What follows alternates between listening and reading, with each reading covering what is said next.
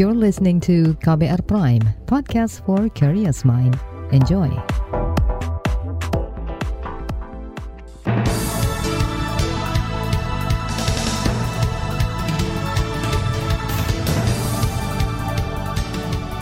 Selamat pagi saudara, senang sekali kami bisa menjumpai Anda kembali melalui program Buletin Pagi, edisi Senin 28 Februari 2022, bersama saya Fitri Anggreni. Sejumlah informasi pilihan telah kami siapkan di antaranya. Wacana menunda pemilu 2024 menuai penolakan. Pemerintah klaim kasus COVID-19 melandai. Status tersangka pelapor korupsi Nurhayati akan disetop. Inilah Buletin Pagi selengkapnya.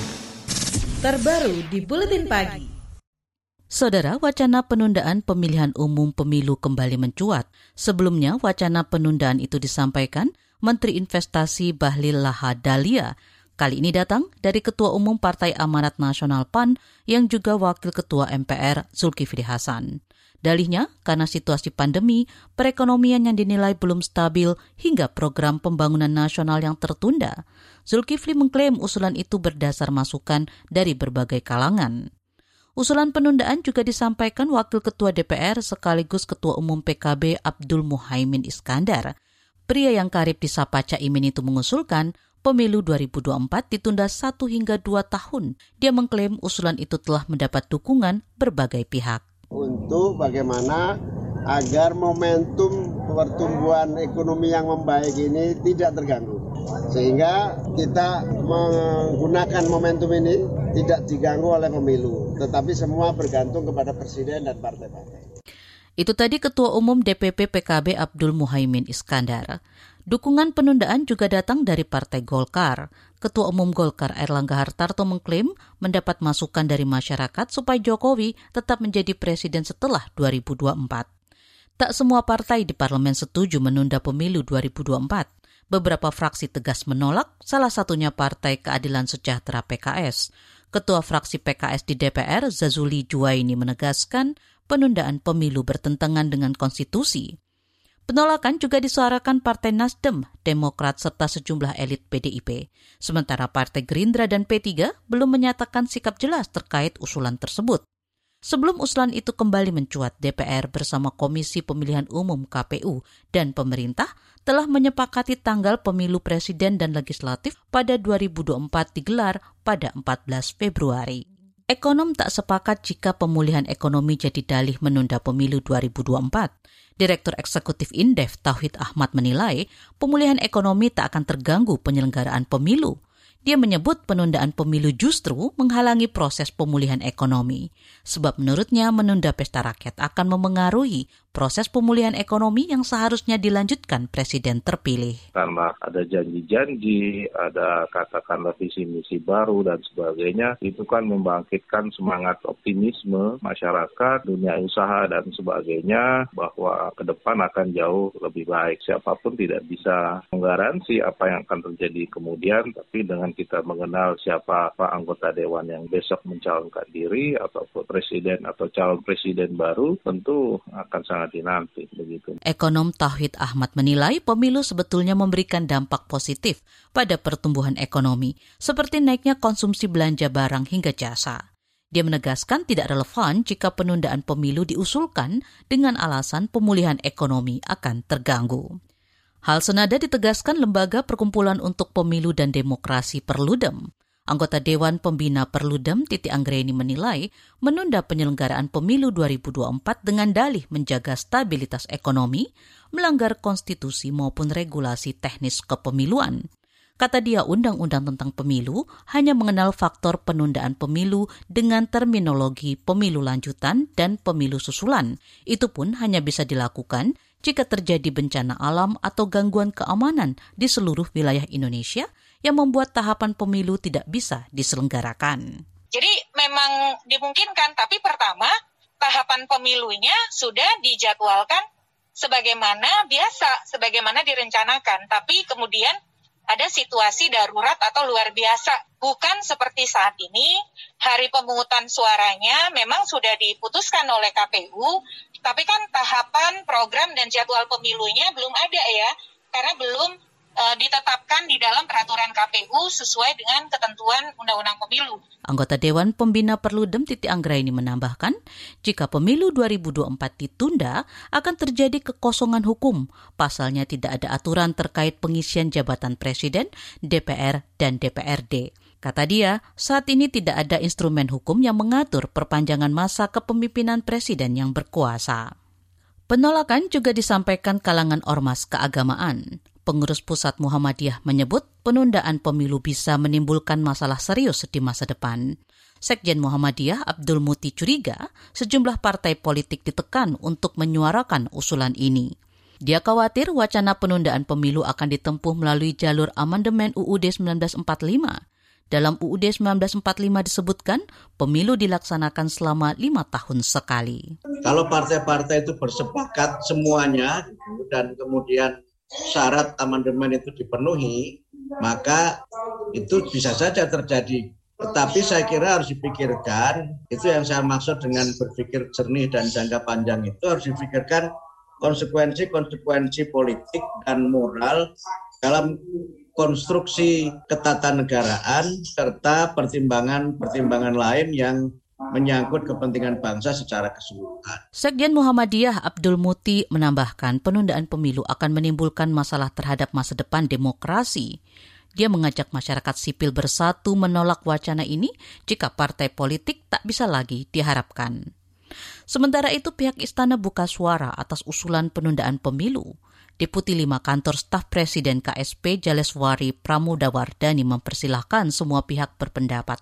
Namun dia mengklaim sikap Presiden Joko Widodo terhadap usulan penundaan pemilu atau perpanjangan masa jabatan presiden tidak pernah berubah.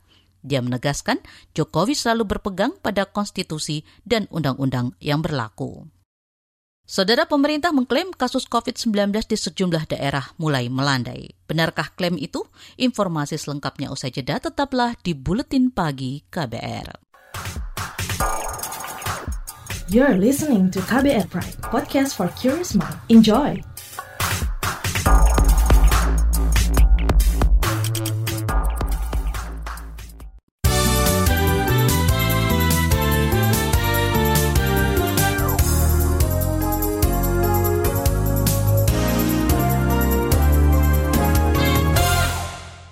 Pemerintah mengklaim kasus COVID-19 di beberapa daerah mulai melandai. Daerah yang mengalami penurunan kasus di antaranya Jakarta, Bali, Banten, Maluku, Papua, dan Nusa Tenggara Barat. Menteri Kesehatan Budi Gunadi Sadikin mengatakan penurunan kasus konsisten dalam tiga pekan pemantauan kami melihat beberapa provinsi sudah confirm terjadi penurunan dari jumlah penularan maupun juga positivity rate-nya. Menteri Kesehatan Budi Gunadi Sadikin menyebut daerah-daerah lain justru mengalami peningkatan seperti Yogyakarta, Kalimantan Barat, Kalimantan Utara, dan Kalimantan Timur. Dia yakin dalam dua pekan ke depan angka kasus secara nasional akan turun. Kemarin kasus positif harian secara nasional bertambah lebih dari 34 ribu pasien. Penambahan juga terjadi pada pasien meninggal, yakni 220-an orang. Masih soal COVID-19, pemerintah berencana menerapkan uji coba kebijakan bebas karantina bagi pelaku perjalanan luar negeri PPLN ke Bali mulai 14 Maret mendatang.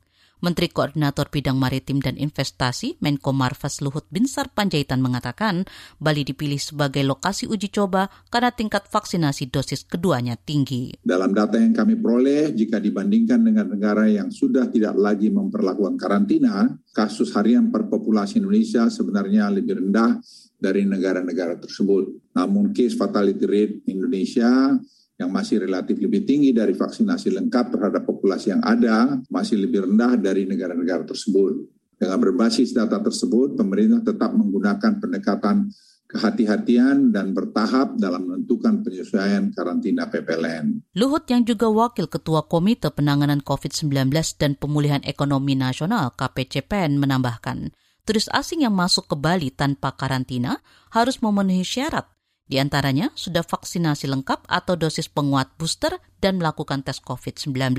Kata dia, jika uji coba tanpa karantina berjalan baik, penerapan akan diperluas di seluruh wilayah mulai 1 April 2022 atau lebih cepat. Kita beralih ke informasi hukum. Kalangan masyarakat sipil mendesak pemerintah dan aparat keamanan segera melaksanakan rekomendasi Komnas HAM terkait insiden kekerasan di Desa Wadas, Purworejo, Jawa Tengah. Komnas HAM sebelumnya menyimpulkan telah terjadi penggunaan kekuatan berlebihan oleh polisi saat pengukuran lahan lokasi penambangan batu andesit 8 Februari lalu. Direktur Eksekutif Amnesty International Indonesia Usman Hamid mengatakan, Temuan ini makin menegaskan aparat belum memiliki itikat baik dalam menanggapi protes damai warga. Dia mendesak pemerintah menyelidiki dan menindak penggunaan kekerasan berlebihan oleh polisi. Selain itu, pemerintah juga harus memastikan adanya partisipasi warga dalam proyek bendungan benar tanpa paksaan. Kericuhan di Wadas pecah saat pengukuran lahan lokasi penambangan batu andesit 8 Februari lalu, sejumlah warga penolak tambang terlibat bentrok dengan polisi. Pembukaan lahan tambang akan digunakan untuk bahan baku proyek bendungan benar di Purworejo. Beralih ke informasi ekonomi. Kalangan ekonomi khawatir konflik Rusia-Ukraina akan berdampak pada kenaikan harga minyak dan gas. Ekonom dari Indef Tauhid Ahmad mengatakan krisis kedua negara itu berpotensi berpengaruh terhadap perekonomian Indonesia.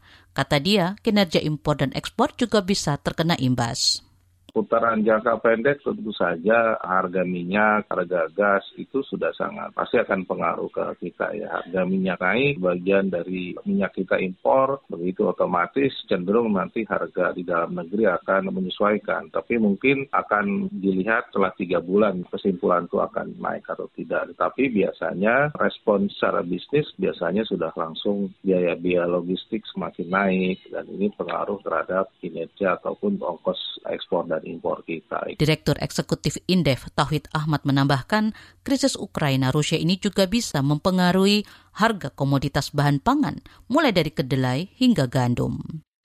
Kita ke informasi mancanegara. Rusia dan Ukraina berencana menempuh jalur negosiasi usai aksi invasi militer negeri beruang merah ke wilayah Ukraina. Namun upaya negosiasi itu terhalang masalah lokasi. Presiden Ukraina Volodymyr Zelensky bersedia menjalin negosiasi damai dengan Rusia asalkan tidak digelar di Belarus, sebab menurutnya negara itu juga terlibat dalam invasi. Ukraina mengusulkan pembicaraan digelar di Polandia, Slovakia, Hungaria, atau Turki. Buntunya negosiasi itu membuat pasukan Rusia tetap melanjutkan operasi militernya di Ukraina. Sementara itu, Badan Bantuan PBB melaporkan sedikitnya 60-an warga sipil tewas dan lebih dari 300 ribu lainnya mengungsi akibat invasi Rusia. Sejumlah negara barat juga telah menjatuhkan sanksi ke Rusia semisal penutupan akses bandara dan ekonomi. Beralih ke informasi olahraga saudara, sejumlah tim sepak bola dunia turut mengecam keputusan Rusia mengerahkan militer ke Ukraina. Polandia, Ceko dan Swedia menolak bermain melawan Rusia di babak playoff Piala Dunia 2022 pada akhir Maret mendatang. Sejumlah klub sepak bola juga menyuarakan kritik atas serangan Rusia ke Ukraina. Dalam laga lanjutan Liga Inggris antara Everton versus Manchester City akhir pekan kemarin, kedua tim menunjukkan dukungan terhadap Ukraina. Bahkan perhelatan balap mobil Formula 1 di Rusia batal akibat invasi tersebut. Dari dunia bulu tangkis, tim Indonesia batal mengikuti ajang Police Open International Challenge 2022 di Polandia akhir Maret nanti. Mengutip antara, pembatalan itu dilakukan imbas perang Rusia dengan Ukraina. Mereka khawatir dengan keselamatan kontingen Indonesia. Pembatalan ini merupakan rekomendasi dari Duta Besar Indonesia untuk Polandia Anita Luhulima. Seharusnya PBSI mengirimkan atlet-atlet pelapis dan junior ke ajang ini. Di bagian berikutnya kami hadirkan laporan khas KBR berjudul Omah Baca Nawala, Saling Berbagi Atasi Gap Literasi. Nantikan sesaat lagi. You're listening to KBR Pride, podcast for curious mind. Enjoy!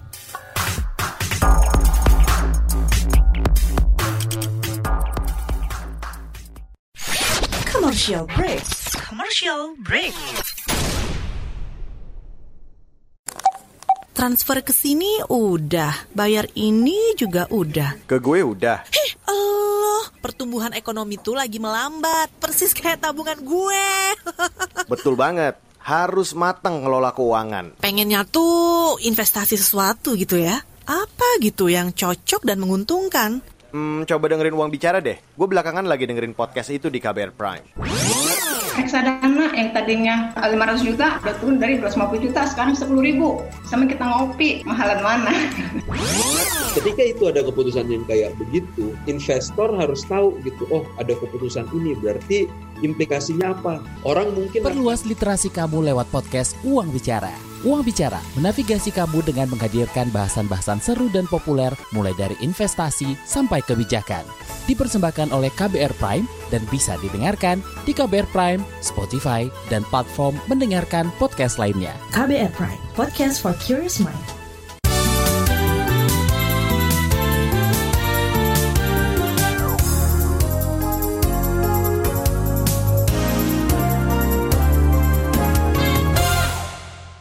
Masih bersama kami di Buletin Pagi KBR. Survei Program for International Student Assessment 2019 mencatat, tingkat literasi Indonesia berada di posisi ke-62 dari 70 negara. Tidak bisa dipungkiri minat baca di tanah air masih rendah. Alasannya beragam, mulai dari keterbatasan akses terhadap pustaka hingga harga buku yang mahal. Di Solo, Jawa Tengah, sekumpulan anak muda menginisiasi pembuatan pustaka mini dengan konsep saling berbagi. Seperti apa kisahnya? Simak laporan khas KBR yang disusun Valda Kustarini kebetulan kita punya perpustakaan kota yang saya boleh bilang sih sangat memadai ya fasilitasnya. Tapi mungkin yang tidak banyak orang minat yaitu mereka ngerasa kurang nyaman ke perpustakaan. Atau mungkin di masa-masa pandemi ini mereka merasa kurang aman gitu kalau ke ruang tertutup. Minat baca warga Solo Jawa Tengah masih rendah meski akses pustaka mudah. Persoalan ini menggelitik Gayatri Kusuma Wardani, Ketua OSIS SMA Regina Pacis, Surakarta. Kemudian, tercetuslah ide membuat truk buku publik saat perayaan Hari Jadi Sekolah. Sekolah kita kebetulan Juli tahun lalu tuh genap 70 tahun Regina Pacis. Terus OSIS itu bikin serangkaian event, dan serangkaian event ini punya satu tujuan yang sama, yaitu fundraising gitu. Satu concern terbesar kita yang emang kita ingin fokusin dari fundraising itu yaitu literasi. Gagasan rak buku publik terinspirasi gerakan literasi di Amerika Serikat dan Jakarta. Nah, waktu itu kita juga sebetulnya terinspirasi juga dari Little Free Library Project yang punya konsep yang sama gitu, tapi mereka kebanyakan tersebar di US dan ternyata udah diimplementasikan gitu di Indonesia, terusnya di Jakarta, yang Jakarta Book Hive. Nah, terus kita mikir gimana kalau misalnya kita juga bikin nih sebuah konsep serupa ada di Solo, ada di Surakarta karena kita mikir ini idenya bagus banget dan sangat akan keren aja gitu kalau misalkan bisa disebar se-Indonesia misalnya kayak gitu. Bersama rekannya di OSIS, Gayatri mencari nama yang tepat untuk proyek sosial ini. Terpilihlah kata Nawala uh, nawala itu sebetulnya diambil dari bahasa Jawa kuno yang artinya surat gitu atau pesan gitu. Jadi kita emang pengen pakai nama yang ada unsur budayanya gitu, emang baca nawala untuk pertama bisa ngerasa itu lebih relatable gitu ke masyarakat. Terus kedua ya supaya ada unsur authenticity gitu, ada unsur originalitas bahwa oh ini tuh membaca nawala tuh punya orang Indonesia, khususnya punya punya Solo gitu. Omah Baca Nawala mendapat dukungan dari pemerintah kota Solo dan klub Rotari Solo Kartini. Halaman Balai Kota menjadi lokasi pertama proyek rintisan ini. Ada enam lemari buku dari kayu bercat oranye yang berjajar di sana. Omah Baca Nawala diresmikan langsung oleh Wali Kota Solo, Gibran Raka Buming Raka, di hari kunjungan perpustakaan 17 September 2021 lalu. Pemerintah Kota Solo menyambut baik ide-ide dari teman-teman dari Ursulin dari Rotari ini luar biasa sekali.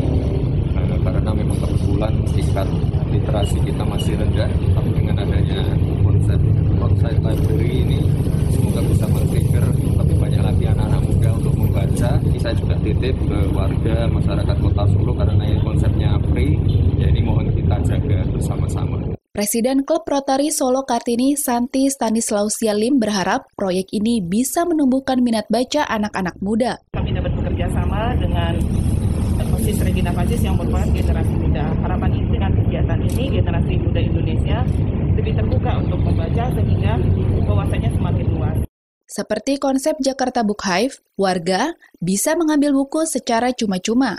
Selain itu, Warga juga diajak untuk menyumbangkan buku yang langsung diletakkan di lemari. Slogan mereka adalah Jupo Sacukupe Menehi Saiklase, yang berarti ambil secukupnya, beri seikhlasnya. Bisa dibilang kita melihat ada literasi gap gitu, yang ada di masyarakat. Di mana di satu pihak tuh ada masyarakat yang emang membutuhkan untuk membaca, dan di, di sisi lain juga ada masyarakat yang mau dan mampu gitu untuk berbagi bukunya.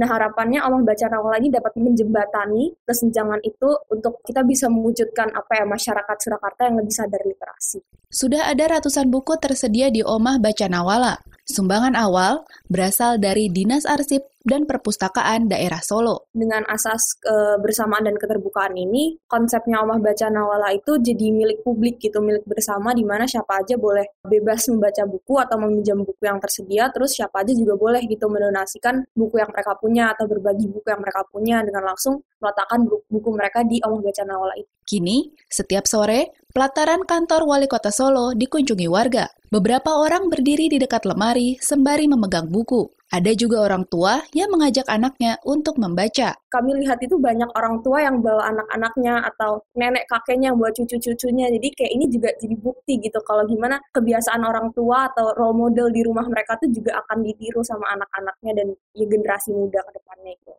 Ke depan, Gayatri berharap konsep rak buku publik bisa direplikasi ke seluruh Indonesia kita menjaga eksistensi Allah Baca Nawala semoga ke depannya ini betul-betul bisa berkelanjutan gitu ya sustainable jadi ada terus gitu yang mendonasikan bukunya dan ada terus yang baca dan minat baca dan kalau misalnya memungkinkan uh, ke depannya Allah Baca Nawala ini bekerja sama dengan kota-kota lain untuk menyebarluaskan konsep roadside library ini juga akan ya saya rasa juga akan sangat baik. Demikian laporan khas KBR, saya Valda Kustarini. Informasi dari berbagai daerah akan hadir seusai jeda tetaplah di Buletin Pagi KBR.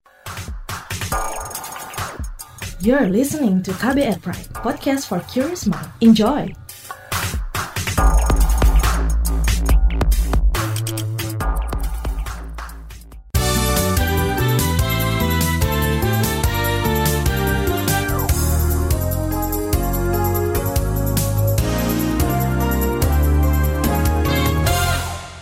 Inilah bagian akhir Buletin Pagi KBR. Kita ke Jawa Barat. Menteri Koordinator Bidang Politik Hukum dan Keamanan Menko Polhukam Mahfud MD mengatakan status tersangka yang disandang Nur Hayati akan segera dicabut. Nur Hayati merupakan pelapor korupsi di desanya yang justru dijadikan tersangka. Mahfud mengklaim sudah berkoordinasi dengan kepolisian dan kejaksaan. Tinggal soal teknis kan, apakah nanti mau pakai Eh, SP3 atau SKP 2 gitu. Kalau SP3 itu artinya eh, kejaksaan eh, mengembalikan ke Polri bahwa status tersangka itu belum bisa karena misalnya belum lengkap atau kurang jelas sehingga nanti jadi P19 lalu SP3. Tapi bisa juga kejaksaan menyatakan nih tidak tepat sehingga dikeluarkan SKP 2. Menko Polhukam Mahfud MD mengklaim Komitmen menyelesaikan polemik ini mencerminkan semangat Presiden Joko Widodo agar semua pihak berani melapor dugaan korupsi, sehingga negara tak akan mempersulit orang-orang yang berniat mengungkap praktik korupsi. Nur Hayati sebelumnya dijadikan tersangka setelah melapor dugaan korupsi yang melibatkan Kepala Desa Citemu, Kecamatan Mundu, Cirebon, Supriyadi. Polda Jawa Tengah memeriksa enam polisi terkait insiden di Wadas Purworejo, Jawa Tengah. Sejumlah warga terlibat bentrok dengan polisi saat pengukuran lahan lokasi penambangan batu andesit 8 Februari lalu. Mengutip antara juru bicara Polda Jawa Tengah Iqbal Al-Kudusi mengatakan enam anggotanya diperiksa sebagai terduga pelanggaran. Dia mengklaim kepolisian telah mengevaluasi para personil yang terlibat. Polda Jateng sepakat untuk berkoordinasi lebih intensif supaya menghindari peristiwa serupa terulang. Beralih ke Sumatera Barat, Badan Nasional Penanggulangan Bencana BNPB mencatat korban tewas akibat gempa di Pasaman Barat bertambah menjadi 11 orang. Sementara itu korban luka berat berjumlah 40-an orang dan luka ringan 340-an orang. Data ini tercatat hingga malam tadi. Juru bicara BNPB Abdul Muhari mengatakan fokus utama kini adalah pencarian terhadap empat orang yang masih hilang. Selain itu pendataan kerusakan dan pemenuhan kebutuhan dasar pengungsi. BNPB mencatat sekira 13.000 jiwa mengungsi akibat gempa magnitudo 6,2 pada Jumat pekan lalu. Terakhir kita ke Aceh, Saudara. Tiga ribuan warga Aceh mengungsi akibat banjir yang menerjang kemarin. Banjir setinggi 1 hingga 2 meter itu melanda sejumlah daerah di Aceh mulai dari kota Loksmawe, Kabupaten Aceh Utara hingga Aceh Timur. Kepala Pelaksana Badan Penanggulangan Bencana Aceh, BPBA, Ilyas mengatakan, banjir disebabkan curah hujan yang tinggi. BPBD kini sudah mulai mengevakuasi warga di lokasi terdampak. Dalam rangka antisipasi banjir ini, yang pertama kan kami selalu mensosialisasikan bahwa warga khususnya masyarakat kita masyarakat Aceh sadar bencana ya. Bencana ini bisa datang kapan saja dan di mana saja. Kepala Pelaksana BPBA Ilyas melanjutkan Dinas Sosial sudah mendistribusikan bantuan dan membangun dapur umum di lokasi pengungsian. Hingga malam tadi belum ada laporan korban jiwa maupun rumah rusak akibat bencana tersebut. Saudara, informasi tadi menutup jumpa kita di Buletin Pagi hari ini. Pantau juga informasi terbaru melalui kabar baru, situs kbr.id, Twitter kami di akun @beritaKBR serta podcast di kbrprime.id. Akhirnya, saya Fitri Anggreni bersama tim yang bertugas undur diri. Salam.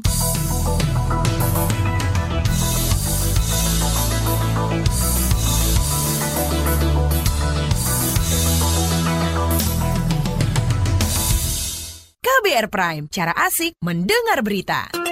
KBR Prime, podcast for curious mind.